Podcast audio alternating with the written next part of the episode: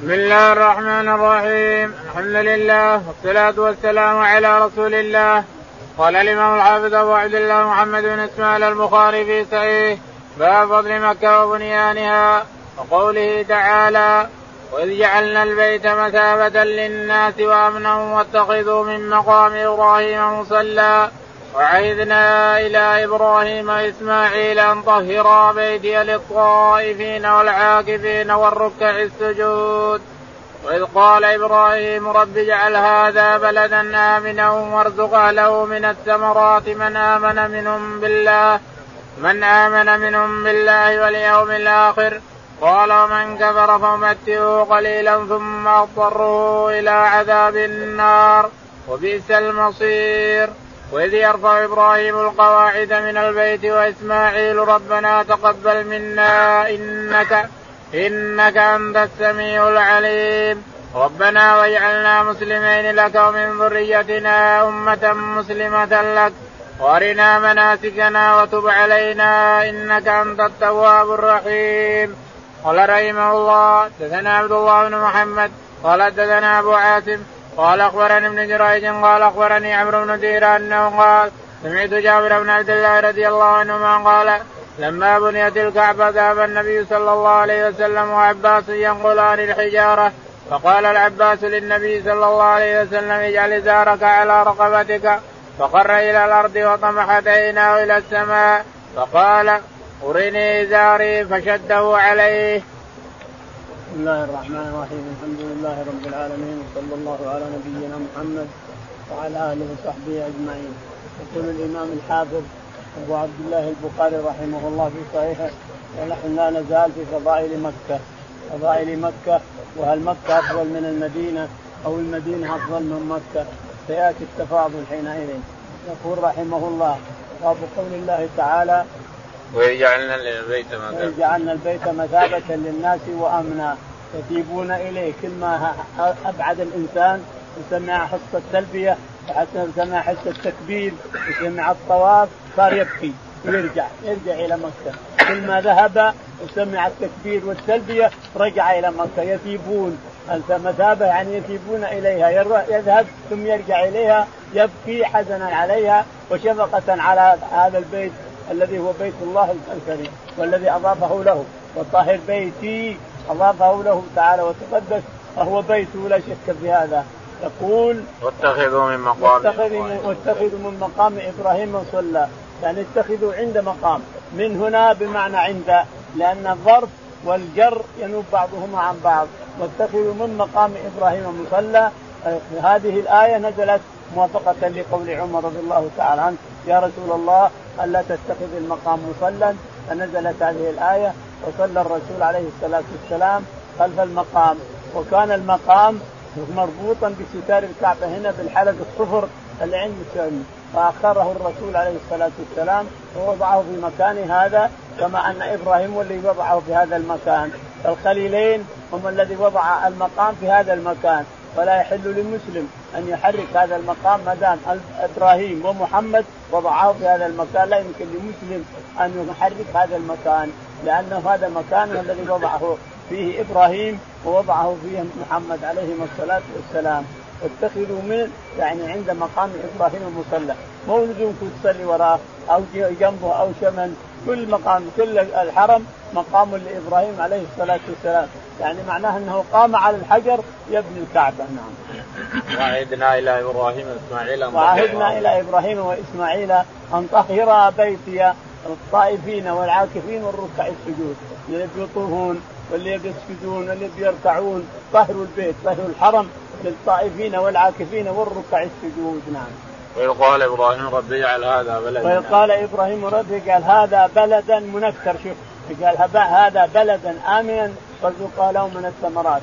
أما هناك في سورة إبراهيم قال إبراهيم رب اجعل هذا البلد. ليش؟ لأنه صار بلد خلاص. أول هناك ما هو بلد بر كله صحاري وبر. ولهذا إسماعيل وإبراهيم يدعوان ربهما أن يقول الله اجعل هذا بلدا آمنا. فلما انتهى وصار آمن وصار بيت الله وصار مدينة كبرى قال إبراهيم عليه والسلام وإذ قال إبراهيم رب اجعل هذا البلد عرفه لأنه صار بلد خلاص وأول منكر هذا بلدا آمنا وارزق اهله من الثمرات. نعم. من آمن منهم بالله من آمن منهم بالله واليوم الآخر. قال ومن كفر فأعذبه. فامتعوه قليلا. متعوه قليلا ثم عاد اضطره إلى عذاب اضطره إلى عذاب النار وبئس المصير نعم. وإذ يرفع إبراهيم القواعد من البيت وإسماعيل ثم قال تعالى وإذ يرفع إبراهيم القواعد من البيت وإسماعيل ربنا تقبل منا إنك أنت السميع العليم. من أين بنوا الكعبة؟ بنوا من هذا الجبل مع الأسف كسي الآن بقصور. جبل أبي قبيس حجارته لا يمكن أن يمسها أحد ولا يبني فوقها أحد. هو كسي الحين بالقصور جبل أبي قبيس هذا مشهود له بالجنة. وهو الذي تبنى منه الكعبة. لو يحتاج جدار من جدار الكعبة الآن لازم يبنى من جبل أبي قبيس. الحجارة حجارة الجبل. فلازم من الجدار إذا احتج أو شيء. جميع خلفاء أمة محمد. جميع الخلفاء. الرسول عليه الصلاة والسلام بناه من هنا. وقريش بنته من جبل أبي قبيس. فالشاهد انه لا يحتاج جدار من جدران الكعبه لا يمكن يبنى إلا من جبل أبي قبيس. لأن يعني حجارته هي اللي بناها إبراهيم وإسماعيل. فصار إسماعيل يجيب حجارة وإبراهيم يبني عليه الصلاة والسلام. إسماعيل ينقل على حجرين وثلاثه على كتفه يجيب لابوه هنا وأبوه يدور به الحجر هذا اللي يدور بحيث ما دار. يبني حتى وصل إلى قريب. يقال إنها ثلاث أمتار. أمتار يعني أمتارنا اللي نعرف هذا المتر اللي نعرفه إنها ثلاث أمتار. ولهذا لما هدمت الكعبة على وقت ابن الزبير أو قيل على وقت الحجاج ووصلوا إلى بناء إبراهيم عليه الصلاة والسلام وجدوا حجارة كاسنمه من شد بعضها بعض مثل اسنمه الإبل مشدود بعضها إلى بعض. لو دخلوا يوم دخلوا حجر اهتزت مكة كلها. لو دخلت العتله دخلوا العتله بين حجرين اهتزت مكة كلها بل يقال تهتز الأرض كلها. تهتز الأرض. فقواعد إبراهيم إلى ثلاث أمتار مرتفعة فوق بدون سقف. بناها عليه الصلاة والسلام بدون سقف مربعة ولا في بما فيها الحجر هنا ركن هنا وركن هنا وركن هناك وركن هناك. هذاك الشرقي وهذا اليماني وهذا الشامي وهذا العراقي. أربعة أركان.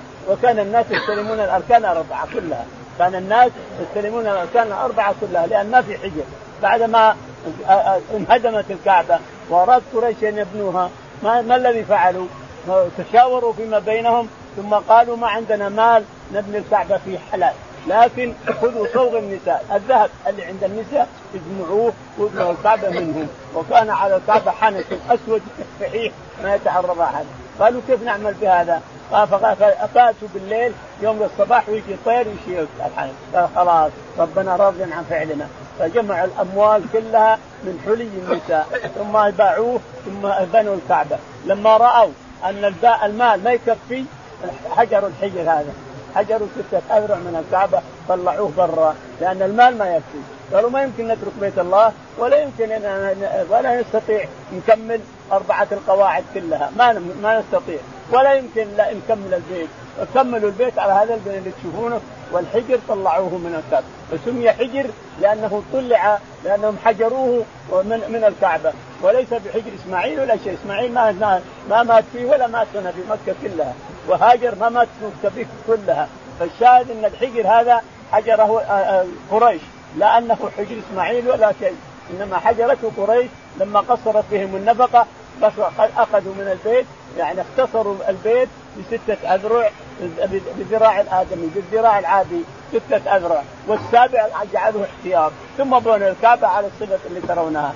لما جاء ابن الزبير رضي الله عنه وحدثته قالته عائشة أن الرسول تمنى أن يدخل الحجر في البيت وأن يجعل البيت ما بين وأن يجعل باب يدخل الناس منه يطلعون على الأرض والحجر يدخل يصير لها أربعة أركان. فالخليفة رحمه الله ثمان سنين خليفة لليمن والعراق والحجاز وكين فبناه على ما وصفت له عائشة من تمني الرسول عليه الصلاة والسلام. لما تولى الحجاج عبد الملك بن مروان أمر الحجاج أن يهدمه ويعيده على بناء قريش. لكن لما بلغوا حديث عائشة ترى يبكي بالليل والنهار يبكي الليل والنهار. كيف الرسول يتمنى؟ ابن الزبير يعيد يحقق منية الرسول وأنا اهدمه كيف يصير هذا؟ يقولون جلس يبكي بالليل والنهار لما بلغوا حديث عائشة. يا ليتنا تركنا ابن الزبير وما فعل. يا ليتنا تركنا ابن الزبير وما فعل. لكن ما هدمت وبنت وبنيت وأخرج الحجاج الحجر كما اخرجته قريش. ستة أذرع وذراع احتياط سبعة الحين اللي هنا سبعة. ستة أذرع من الكعبة وذراع من عندنا هنا من جهتنا هذا احتياطي إلى آخره. الشاهد أن الكعبة بناها إبراهيم إسماعيل إبراهيم عليه الصلاة والسلام وإسماعيل إسماعيل ينقل الحجارة من جبل أبي قبيس وإبراهيم يبني حتى انتهى. وكل من بنى الكعبة لازم يجيب الحجارة من جبل أبي قبيس. نعم. ربنا واجعلنا مسلمين لك ربنا واجعلنا مسلمين لك ومن ذريتنا أمة مسلمة لك وأرنا مناسكنا دعاء إبراهيم وإسماعيل عليهم الصلاة والسلام. يبنون بيت الله عبادة يبنونها ويدعون الله أن يتقبل. يدعون ربهم أنبياء ورسل يدعون ربهم أن يتقبل منهم. يعني أن هذا المسلم ينبغي له إذا عمل عملا صالحا أن يدعو ربه أن يتقبل لأنك ما تدري هو قبل. ما دام أنبياء ورسل يدعون الله أن يتقبل منهم ما يدرون قبل وما قبل فنحن من باب الأولى. إذا عمل الانسان عملا يدعو الله أن يتقبله ولا يدري بعمله على لأنك ما تدري الانسان قبل ولا رد عليك ما تدري. فالشاهد ربنا واجعل فينا واجعل فيهم ربنا اجعلنا مسلمين.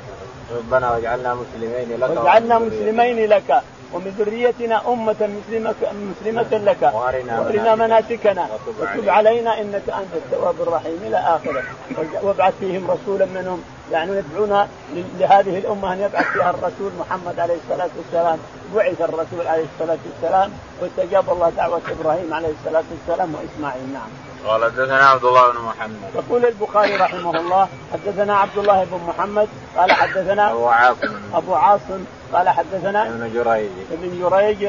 قال حدثنا عمرو بن دينار. عمرو بن دينار. عن جابر بن عبد الله. عن جابر بن عبد الله رضي الله عنهما قال نعم. لما بنيت الكعبة ذهب النبي صلى الله عليه وسلم وعباس ينقلان الحجارة. قال لما بنيت الكعبة ذهب النبي عليه الصلاة والسلام والعباس عمه ينقل النبي ما عليه إلا ازار اليوم وزرة بس. يعني على السوق ما في شيء. والعباس كذلك. ما أدري عاد لفقر أو إنهم مكرمين الأردية ما يبون يحطون عليها طوب. الشاهد ينقلون حجارة من أبي قبيس إلى الكعبة يبنون الكعبة.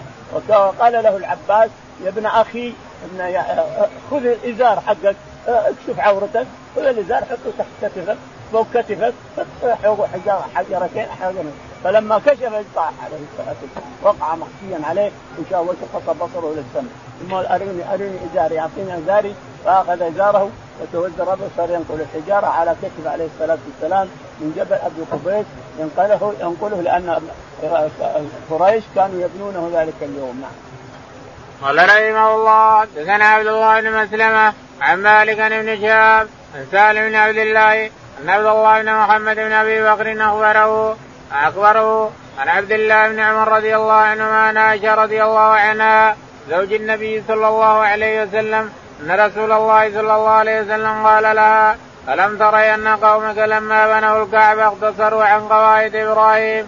فقلت يا رسول الله ألا تردها على قواعد إبراهيم؟ قال لولا حدثان قومك بالكبر لفعلت. فقال عبد الله رضي الله عنه لئن كانت عائشة رضي الله عنها سمعت هذا من رسول الله صلى الله عليه وسلم ما أرى رسول الله صلى الله عليه وسلم ترك استلام الركنين اللذين يليان الحجرة إلا أن البيت لم يتمم على قواعد إبراهيم.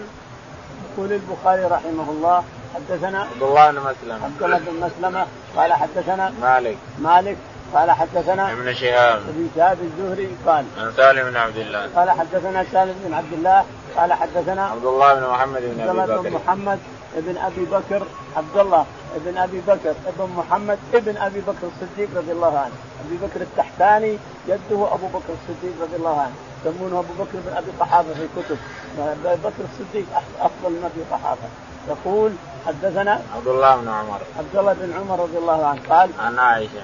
عن عائشة رضي الله تعالى عنها قالت قالت أن رسول الله صلى الله عليه وسلم قال لها ألم تري أن قومك لما بنوا الكعبة اقتصروا عن قواعد؟ تقول عائشة رضي الله تعالى عنها لما فتح الرسول عليه الصلاة والسلام مكة أتى بها إلى البيت حجة الوداع يقال ويقال في فتح مكة الله أعلم.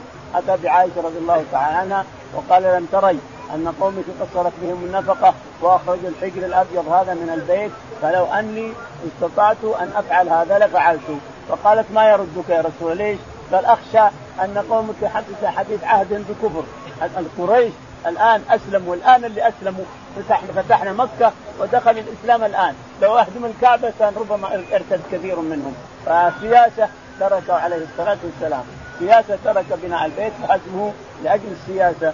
ولا تمنى لو أنه ينقض البيت ويعيد ويدخل الحجر فيه ويجعل البيت على قواعد إبراهيم ويجعل للبيت بابا في الأرض من هنا وبابا في الأرض من هنا، بابا يدخلون منه من هنا بدون درج ولا شيء، وبابا يخرجون الناس، يدخلون البيت ويصلون فيها ثم يخرج يصلي ويخرج، اللي يصلي يطلع من هنا ما يرجع، ويدخلوا من هنا يخرجون من هنا، ففعلت ذلك، ولكن خشية قريش أن ترتد عن الإسلام أو يحصل معها حدثا. لولا حدثان عهدك قومك بكفر هدمت البيت وسويت كذا وكذا. وقال عبد الله بن عمر لئن كانت عائشة هذا رضي الله عنها سمعت من رسول الله صلى الله عليه وسلم ما أورى رسول الله صلى الله عليه وسلم ترك استلام الركنين اللذين يليقين إلا أن البيت يقول ابن عمر كانت عائشة حدثت بهذا الحديث نعم إن شاء الله ما يكاذب حدثت بهذا واقع صحيح. إن كانت عائشة حدثت بهذا الحديث فلا ارى الرسول ترك استلام الركنين هذا وهذا إلا إنهما لم يكونا على قواعد إبراهيم. نعم الركن العراقي هذا من البيت المقصي. والركن الشامي من البيت المقصي ليس على قواعد إبراهيم قواعد إبراهيم هنا عند الحجر تحت الحجر هنا منتهى الحجر عند أما الركن هذا والركن فليس على قواعد إبراهيم يقول ابن عمر ما أرى الرسول عليه الصلاة والسلام ترك استلامهما إلا إنهما لم يكونا على قواعد إبراهيم.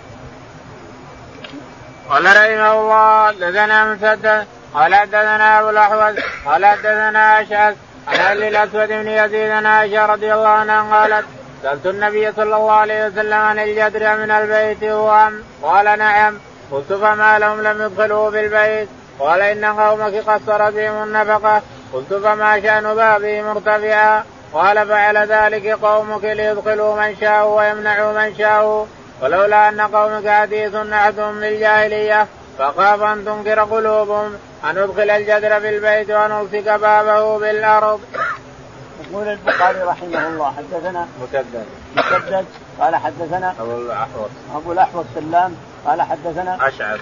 اشعث بن أبي الشعثة قال عن الاسود بن يزيد عن عائشة. بن يزيد عن عائشة رضي الله تعالى عنها أنها سألت الرسول ليس الحجر بقي هذا؟ الجدر هذا ويقال الحجر يقال الجدار ويقال الحجر الجدر أو الحجر. قالت يا رسول الله ما شأن الجدر هذا الباقي كذا. قال لها قومك قصرت بهم النفقة فأخرجوه من البيت. قال ولما بابه مرتفع؟ قال لأجل لا يدخل إلا من شاءوا يدخلون من شاءوا ويخرجون من شاءوا بابه مرتفع ولا يمكن تدخل بسلم السلم ويدخلوا من شاءوا ويخرجوا من شاءوا ولولا حسان عهدك بكفر لهدمت البيت وأقمت على قواعد إبراهيم عليه الصلاة والسلام أربعة وأدخلت حجه فيه وجعلت له بابين باب شرقي وباب غربي. باب يدخلون الناس منه يصلون وباب يخرجون من انتهى من الصلاة خرج بدون زحام ولا شيء. لكن خشي أن يصير في قلوب قريش لأنهم الآن أسلموا. عام الفتح مكة الآن أسلموا. وأخشى أن يحصل حدث شيء في قلوبهم فتركه للسياسة عليه الصلاة والسلام. قال رحمه الله حدثنا عبيد بن إسماعيل قال حدثنا أبو أسامة عن هشام بن نبي عن عائشة رضي الله عنها قالت قال لي رسول الله صلى الله عليه وسلم لولا حداثة قومك بالكفر لنقضت البيت ثم لبنيته على أساس إبراهيم عليه السلام فإن قريشا استغفرت بناءه وجعلت له خلفا قال أبو معاوية حدثنا هشام خلفا يعني بابا. يقول البخاري رحمه الله حدثنا عبيد بن إسماعيل. عبيد بن إسماعيل قال حدثنا أبو أسامة. أبو أسامة قال عن هشام بن عروة عن أبيه. عن هشام بن عروة عن أبيه عن عائشة. عن عائشة رضي الله تعالى عنها قالت نعم. قال لي رسول الله صلى الله عليه وسلم لولا حادثات قومك بالكفر لنقضت البيت. تقول تقول تكرر هذا الحديث يكرر البخاري حديث عائشة لأنه أصل من أصول الدين. لو الخلفاء اهتدوا دخلوا الحجر. يقول لو ان لولا حتى عهدك قومك بكفر لهدمت البيت وجددت بناءه على قواعد إبراهيم. يتمنى عليه الصلاة والسلام أن يعيد بعد البيت على قواعد إبراهيم. يصير أربع قواعد هنا قاعدة وهنا قاعدة وهنا قاعدة كلها تختلف.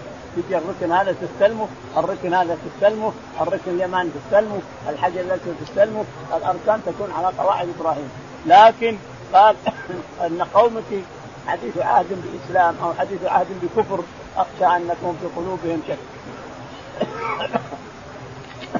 قال رحمه الله دثنا بيان بن عم قال دثنا يزيد قال دثنا جرير بن حازم قال دثنا يزيد بن رومان ان اروى عن عائشة رضي الله عنها أن النبي صلى الله عليه وسلم قال لها يا عائشة لولا أن قومك حديث عهد بجاهلية لامرت بالبيت فهدم فأدخلت فيه ما أخرج منه والزقته بالارض وجعلت له بابين بابا شرقيا وبابا غربيا وبلغت به أساس إبراهيم عليه السلام فذلك الذي حمل ابن الزبير رضي الله عنهما على ادمه قال يزيد وشهدت ابن الزبير حين آدمه وبناه وأدخل فيه من الحجر. وقد رأيت أساس إبراهيم حجارة كأسلمة الإبل. قال جرير فقلت له أين موضعه؟ قال أريكه الان فدخلت معه الحجر. فأشار إلى مكان. فقال هنا. قال جرير فعزرت من الحجر ستة أذرع أو نحوها. يقول البخاري رحمه الله حدثنا بيان بن عون. بيان بن عون قال حدثنا يزيد. يزيد أو بيان بن يزيد. لا بيان بن عون قال حدثني يزيد. كذا؟ قال حدثنا يزيد. قال حدثنا جرير بن حازم. جرير بن حازم. قال قال حدثنا يزيد بن رومان. قال حدثنا يزيد بن رومان. عن عن عروة عن عائشة. عن عروة عن عائشة رضي الله تعالى عنها أن النبي عليه الصلاة والسلام نعم. قال لها يا عائشة لولا أن قومك حديث واحد من جاهليه لامرت بالبيت فهودي يقول لعائشة يا عائشة لولا أن قومك حديث عهد بجاهلية. يعني توهم الآن اللي أسلموا وإسلامهم ما أدري له هش من يدري. الآن دخلوا في الإسلام بعد الفتح فتح مكة وإسلامهم يكون هش يمكن يكون هش يمكن غالب منهم يشك في الدين يشك في الإسلام لهدمنا الكعبة. الشاهد أنه تركها ولولا هذا يقول لهدمت الكعبة وبنيتها على قواعد إبراهيم. وأراها القواعد من البيت أنها ستة أذرع خارجة من الحجر هنا ستة أذرع من البيت. فلو حصل يقول له لا يقول إنه أراه القواعد لما كشف أراه شو اسمه القواعد نعم. يعني حمل ابن الزبير فذلك الذي حمل ابن الزبير رضي الله عنه. يقول هذا الحديث هو الذي حمل ابن الزبير على هدم الكعبة لما كان خليفة رضي الله عنه، صار خليفة ثمان سنوات، خليفة عن الحجاز وعلى العراق وعلى اليمن وعلى الدنيا كلها ما عدا الشام وهو بيد معاوية، والباقي كله بيد ابن الزبير هو الخليفة، وصار ثمان سنوات خليفة، لما تكثر عنده المال وقال أنا ما أخاف من أحد، المال عندي ولا أخاف من قريش ولا من غير قريش. وأمر بهدم الكعبة. فهدم الكعبة رضي الله تعالى عنه وأرضاه. وأدخل الحجر الحجر الأركان الاثنين اللي من هنا أدخلها مع مع الكعبة. وبطل الحجر. خلاص صار ما في حجر. صارت الأركان أربعة يصفون الناس ويستلمونها. ولما انتهى رضي الله تعالى عنه وأرضاه عزم على أهل مكة. النساء والرجال أن ياتوا بعمرة من التنعيم. شكر لله تعالى وتقدم. ولم يعرف أن احدا من الصحابة خرج من مكة يجيب عمرة. إلا هذا ابن الزبير. عزيمة من الامام وعزيمة الامام لازم تنفذ. عزيمة الامام أمر لازم تنفذ. فخرج النساء والأولاد الشباب. وخرج الرجال. وخرج العالم كلهم. اللي على حمير ولا على بعارين ولا على رجوله إلى التنعيم. ثم احرموا من هناك وجاءوا يطوفون ويسألون. شكر لله الذي بنى الكعبة على ما تمنى الرسول عليه الصلاة والسلام. وأبطل قواعد إبراهيم. لكن هل يترك الحق اذا صار واضح؟ مثل الشمس هل يترك؟ ما يترك. لازم يحطون شيء يسد يسد الشمس. جاء عبد الملك وقال لا هذا تقول وهذا هدم البيت برأيه وهذا كذا وهذا كذا وأمر الحجاج أن يهدم البيت ويخرج الحجر. ولما بلغه حديث عائشة صار يبكي ما ينفع. تبكي ولا ما تبكي؟ صار يبكي الليل والنهار اللي ما ترك ابن الزبير وما فعل. الله مريد هذا تعالى وتقدس نعم قال يزيد بن رومان وشيك من الزبير حين هدمه وبناه وادخل فيه من الحجر. وقد رأيت أساس إبراهيم حجارة. يقول رأيت أساس إبراهيم عليه السلام حجارة كاسلمه الإبل. يشتبك بعضها بعض هكذا. لو تلك العتلة بين حجرين تهزت مكة كلها ويقال تهتز الأرض كلها. قال جرير فقلت له أين موضعه؟ قال أريكه الآن. فدخلت معه الحجرة فأشار إلى مكان. فقال جرير قلت أين موضعه؟ يعني موضع الأركان اولا. دخل الحجر وأراني مكان الأركان الأولى الثانية التي هدمت فحذرت من العير ستة عذرون حذرت يقول من الحجر إلى الكعبة ستة أذرع. ستة أذرع. السابع ما هو من البيت. ستة من البيت. لا يصح صلاة الفريضة فيها. والسابع ما هو من البيت. نعم. باب فضل الحرم. وقوله تعالى إنما أمرت أن أعبد رب هذه البلدة الذي حرمها وله كل شيء. وأمرت أن أكون من المسلمين. وقوله جل ذكره أولم نمكن لهم حرما امنا يجبى إليه ثمرات كل شيء رزقا من لدنا ولكن أكثرهم لا يعلمون. قال رحمه الله دثنا علي بن عبد الله قال دثنا جرير بن عبد الحميد منصور عن مجاهد عن طاووس عن ابن عباس رضي الله عنهما قال قال رسول الله صلى الله عليه وسلم يوم فتح مكة إن هذا البلد حرمه الله لا يعبد شوكه ولا ينفر صيده. ولا يلتقط لقطته إلا من عرفها. يقول البخاري رحمه الله باب فضل الحرم. باب فضل الحرم يعني أنه بمئة ألف كما ورد في بعض الأحاديث أن مكة بمئة ألف حسنة. مكة بمئة ألف حسنة.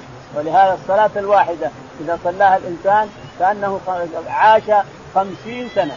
كأنه عاش في غير مكة خمسين سنة. يعني كأنك عشت خمسين سنة تصلي منها صلاة واحدة أفضل من خمسين سنة تصليها في غير مكة. فمكة بمئة ألف. معنى هذا أن الذي يروح من مكة يريد المدينة ينقص من أجل 999 درجة. اللي يروح من مكة يريد يزور المدينة ينقص من أجل 999 درجة. لما قلت هذا الواحد من الإخوان زعل. ليش تقول الكلام هذا؟ أنا رحت أزور مسجد حتى لو زرت مسجد الرسول. أنت نقص من أجل 990 درجة. لأنك رحت عن 100000 هنا 100000 لو تجد واحد يقول لك خذ 100000 أو تجد واحد يعطيك 1000 كم الفرق؟ الفرق 999 فاهل مكه ما يروحون يزورون المسجد. المسجد النبوي إلا إذا كان لحاجة أو رايح يزور أقارب أو شيء من هذا. وإلا فينقص من تقصد الحسنات وتقصد أنك يزيد أجرك فالأجر هنا أكثر وأكثر. ولهذا كثير من العلماء يرون أن مكة أفضل من المدينة. كثير من علماء الإسلام من ائمه الثلاثة يرون أن مكة أفضل من المدينة لأن فيها الطواف والسعي وفيها أركان وفيها حج وعمرة وفيها كذا. أما المدينة ما فيها شيء. صحيح إن الرسول فيها لكن ما يتفضل علشان وجود الرسول فيها. مدينة ما تفضل علشان وإن كان مالك يفضلها لأجل الرسول فيها عليه الصلاة والسلام. لكن الرسول ما يفضلها على أركان تسكت وتحيط تطوف بالبيت الإنسان ركن تسعى بين السماء ركن تروح العرفات ركن تجلس في منى واجبات إلى آخره. فمكة لا شك أنها أفضل من المدينة بكثير كثير. أما شخصية الرسول فلا في أحد أفضل منه. فلا في شيء في الكون في السماوات والأرض من المخلوقات أفضل من الرسول عليه الصلاة والسلام. جسد الرسول ما في أفضل منه في السماوات وافضل من المخلوقات ما في أحد أفضل من الرسول عليه الصلاة والسلام. أما التربة وأما البلد فمكة أفضل لا شك في هذا. نعم. قال وقول الله تعالى إنما أمرت أن أعبد رب هذه البلدة الذي يقول البخاري وقول الله تعالى إنما إنما أمرت أن أعبد رب هذا البيت. رب هذه البلدة الذي رب هذه البلدة الذي حرمها وله كل شيء وأمرت أن أكون من المسلمين. نعم. وقوله جل ذكره ألم نمكن لهم حرما؟ آمنا وقوله تعالى ألم ألم نمكن يمن على قريش؟ يقول أنتم يا قريش ومكنا أعطيناكم حرم آمن يتبع اليه ثمرات كل شيء. انظر الآن تعالى الله وتقدس من منة الله علينا وفضله وكرمه يأتينا أرزاق جميع العالم. جميع العالم تجيك الإنسان في مكانها قد نأكل نحن التفاح والبرتكان والخوخ والأشياء ناكله قبل نضج قبل يأكلها البلد. قبل يؤكل في الشام وغدا يؤكل في مصر وقبل يؤكل في المغرب ناكله هنا. يجبى إليه ثمرات كل شيء. تجد جميع ثمرات الدنيا موجودة في الحرم هنا. فيمتن الله على قريش يمكن لكم حرما آمنا. يجبى إليه ثمرات كل شيء. ما تشكرون الله؟ ما تعبدون الله؟ ما تتركون الشرك؟ ما يمتن الله عليهم يقررهم لعلهم يرجعوا عن شركهم. فشاهد إنه يجبى إليه. ثمرات كل شيء. حتى إن كثير من أهل البلدان لقوا هنا قالوا والله يجيكم قبلنا والله الأشياء الفواكه تجيكم هنا قبل أن تأتينا. إحنا وقبل أن نراها. نعم قال حدثنا علي بن عبد الله. يقول حدثنا علي بن عبد الله المديني قال حدثنا جرير بن عبد الحميد. جرير بن عبد الحميد قال حدثنا منصور. منصور بن المعتمر قال عن مجاهد عن طاووس. عن مجاهد عن طاووس عن ابن عباس رضي الله عنهما قال قال رسول الله صلى الله عليه وسلم يوم فتح مكة إن هذا البلد حرمه الله. يقول إن الرسول عليه الصلاة والسلام قال إن هذا يوم فتح مكة إن هذا البلد حرمه الله يوم خلق السماوات والأرض فهي حرام بحرمه الله إلى يوم القيامة. وإنما أحلت من ساعة من نهار فمن فمن احتج به أو قال إن الرسول قاتل فيها فقل أحلت لرسوله ساعة من نهار والساعة من الصباح إلى بعد العصر. حلال له أن يقتل من شاء ويسلم من شاء إلى آخره. ثم عادت حرمتها بعدين عاد حتى على الرسول. عادت عادت حرمتها اليوم كحرمتها بالأمس. لا يعقد لا يقتل لا يقتل فيها قتيل. لا يعضد شجرها. ولا ينفر صيدها. ولا تلتقط اللقطة للمنشد ولا يسفك فيها دم. ولهذا من من وجب الحج عليه فلجأ من وجب الحج عليه فلجأ. إنسان قتل إنسان خارج الحرم ثم لجأ إلى الحرم مستجيرا بالحرم. ما الذي يصنع؟ يقول من وجب الحج عليه فلجأ. للحرم الشريف نعم الملتجأ. لم يقم الحج عليه لكن يحرج بترك بيع وشراء كي يخرجوا. على السواء كل الحدود لا شطر وواضح يقول من وجب الحج عليه فلجأ للحرم الشريف نعم الملتجأ. لم يقم الحد عليه لكن يحرج بترك بيع وشراء كي يخرجوا. على السواء كل الحدود لا شطط يعني القتل والسرقة وشرب الخمر ما يقام عليه شيء حتى ما دام لجأ للحرم فهو التجأ للحرم والحرم يعيده. لكن أنه أبو حنيفة وافق في القتل والباقي لا يقول الحدود تقام عليه. ومالك والشافعي تقام جميعها حيث ينكر المنام. باب توريث دور مكة وبيعها وشرائها وأن الناس في مسجد الحرام سواء خاصة لقوله تعالى إن الذين كفروا ويصدون عن سبيل الله والمسجد الحرام والمسجد الحرام الذي جعلناه للناس سواء العاقب فيه والباد ومن يرد فيه بإلحاد بظلم نذقه من عذاب أليم. البادي الطارئ معكوفا محبوسا. قال رحمه الله دثنا أسبق قال أخبرني ابن وهب ان يونس بن شهاب عن علي بن حسين عن عمرو بن عثمان عن أسامة بن زيد رضي الله عنهما أنه قال يا رسول الله حين تنزل في دارك بمكة فقال هل ترك عقيل من رباع أو دور؟ وكان عقيل ورث أبا طالب هو وطالب ولم يرث جعفر ولا علي رضي الله عنهما شيئا لانهما كانا مسلمين وكان عقيل وطالب كافرين. فكان عمر بن الخطاب رضي الله عنه يقول لا يرث المؤمن الكافر. قال ابن شهاب وكانوا يتأولون قول الله تعالى إن الذين آمنوا والذين هاجروا وجاهدوا بأموالهم وأنفسهم في سبيل الله والذين آووا ونصروا أولئك بعضهم أولياء بعض. الآية. يقول البخاري رحمه الله باب توريث دور مكة. باب توريث دور مكة. هل تورث دور مكة؟ هل تورث؟ وهل تباع وتشرى؟ وهل تؤجر؟ وهل ينتفع بها أم لا؟ الإمام الأئمة الثلاثة يقولون إنه ما تباع ولا تؤجر، ما تباع دور مكة ولا أراضيها ولا تؤجر دور مكة ولا أراضيها، ليش؟ لأن الرسول عليه الصلاة والسلام قال رباع مكة لا تؤجر ولا تباع، لا تباع رباع مكة لا تباع ولا تؤجر، فأخذوا بهذا الحديث الأئمة الثلاثة. أما الشافعي رحمه الله فيقول تباع وتؤجر لحديث أسامة بن زيد هذا. هل ترك لنا عقيل من دار؟ لفظة لنا الشافعي جعلها حجة. قال هل ترك لنا عقيل من دار؟ يعني إن عقيل وطالب كفار ورثوا الرسول عليه الصلاة والسلام وورثوا علي وورثوا غيرهم ورثوا أخذوا بيوتهم واستولوا عليها. فقال الرسول ترك لنا عقيل من دار؟ يعني لما أتى إلى مكة أين تنزل غدا؟ يقول له أسامة بن زيد. قالوا هل ترك لنا عقيل من دار؟ هل ترك لنا عقيل من دار؟ يعني ما ترك لنا شيء من دورنا أخذها وباعها. فيقول الشافعي رحمه الله تؤجر وتباع وتملك لهذا الحديث. وأخذت الملوك كلها. جميع الخلفاء اللي تولون على مكة أخذوا بحديث الشافعي. وهذا هو الصحيح. لو تركناها تنخربت. صارت خراب ولا عمر مكه ولا صارت عمار ولا صارت بيوت ولا شيء. لكن مذهب الشافعي رحمه الله أخذت بجميع الخلفاء وجميع الملوك من أيام بني أمية إلى يومنا هذا. تاخذ الملوك بمذهب الشافعي وهو الصحيح. لأن لو تركت على مذهب الثلاثة ما ما عمرت. صارت البيت الجديد يصير خراب خلاص. بعد سنتين ثلاث أربع عشر يصير فيها الحمام. يعشش فيها الحمام ويصير ملعب للجيران والبساسه وتصير مكة خراب وتصير أم القرى وواجهة العالم الإسلامي كلها خراب. فمذهب الشافعي هو الحق وهو الذي أخذ به جميع العالم. جميع من تولى مكة جميع من تولى الدنيا كلها. يصير خلافة. ويعمرون المسجد ويعمرون البيوت ويعمرون ولك أن تؤجر ولك أن تبني ولك أن تسكن ولك أن تستأجر سفيان الثوري استأجر دار وهرب ولم يعطهم إيجار لكن لحقوه اخذ يقول ما يجوز إيجار لمكة طيب انت أنت ما تجوز لكن اللي غيرك أجازه فلماذا أنت تهرب؟ هربوا لحقوه وأخذوها منك القوه نعم. وأن الناس في المسجد الحرام نعم. سواء خاصة.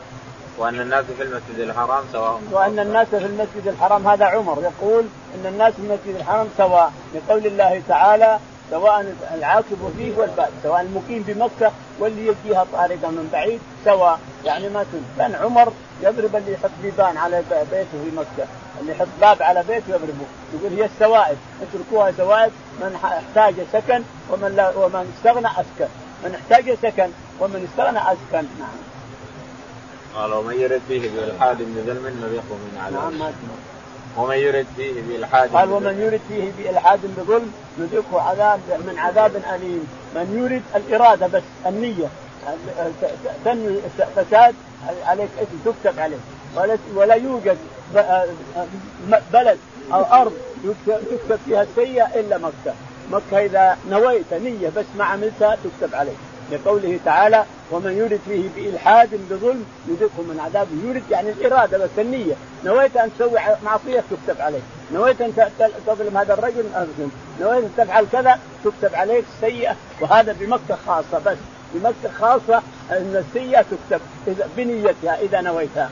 أما بغير مكة فالسيئة ما تكتب بالنية. لازم تفعلها. قال حدثنا اصبغ بن الفرج. يقول حدثنا اصبغ بن الفرج. قال حدثنا عبد الله بن وهب. عبد الله بن وهب. قال حدثنا يونس بن يزيد. يونس بن يزيد. قال حدثنا عن ابن شهاب. عن ابن شهاب الزهري قال عن علي بن الحسين عن علي بن الحسين رضي الله عنه قال عن عمرو بن عثمان. عن عمرو بن عثمان قال عن أسامة بن زيد. عن أسامة بن زيد رضي الله عنه أنه لما أتى الرسول عليه الصلاة والسلام إلى مكة قال يا رسول الله أين تسكن غدا؟ قال وهل ترك لنا عقيل من دار؟ عقيل ترك لنا من دار نسكنها ما ترك شيء. يعني إنها باعها خلاص راحت من ملكنا إلى ملك غيرنا. هذا مقصود الرسول عليه الصلاة والسلام وهذا اللي فهمه الشافعي أن الرسول قال ترك لنا عقيل من دار يعني باع دورنا كلها فلا نقدر نسكن عندها لأن صارت ملك غيرنا خلاص. فهذا هو مذهب الشافعي وهو الصحيح إن شاء الله نعم. وكان عمر بن الخطاب رضي الله عنه يقول لا يرث المؤمن الكافر. وكان عمر بن الخطاب رضي الله عنه يقول لا يرث المؤمن الكافر، يعني انهم ما أخذوها إلى ارثا، هم زعموا انهم أخذوها ارثا، لكن الرسول عليه الصلاة والسلام قال لا يرث المؤمن الكافر، وأخذ به عمر لا يرث المؤمن الكافر، يعني المؤمن لا يرث الكافر، وإن كان بالولاية، وإن كان بالولايه بين المهاجرين والأنصار ولاية، لكن ما في إرث، ما يرث بعضهم بعض. قال ابن شهاب وكانوا يتولون قول الله تعالى إن الذين آمنوا وهاجروا وجاهدوا بأموالهم. يقول ابن شهاب الزهري وكانوا يتأولون قول الله تعالى في الولاية يعني إن الذين آمنوا الذين آمنوا وهاجروا وجاهدوا, وجاهدوا في سبيل الله بعضهم أولياء بعض، فالولاية ليست لا في ليس فيها ميراث، يعني إن توارث المهاجر والأنصار يتوارثون تقول لا، إنما الولاية بينهم لا شك في هذا، الولاية الدينية والعروة الفقه بينهم لا شك في هذا، لكن وأولو الأرحام قال الله تعالى فيها وأولو الأرحام بعضهم أولياء بعض يعني أولو الأرحام هم اللي يتوارثون وأما المهاجر يرث المسلم الأنصاري. والأنصاري المهاجر فلا. اللهم اهدنا في من هديت وعافنا في من عافيت تولنا في من توليت. اللهم توفنا مسلمين والحقنا بالصالحين.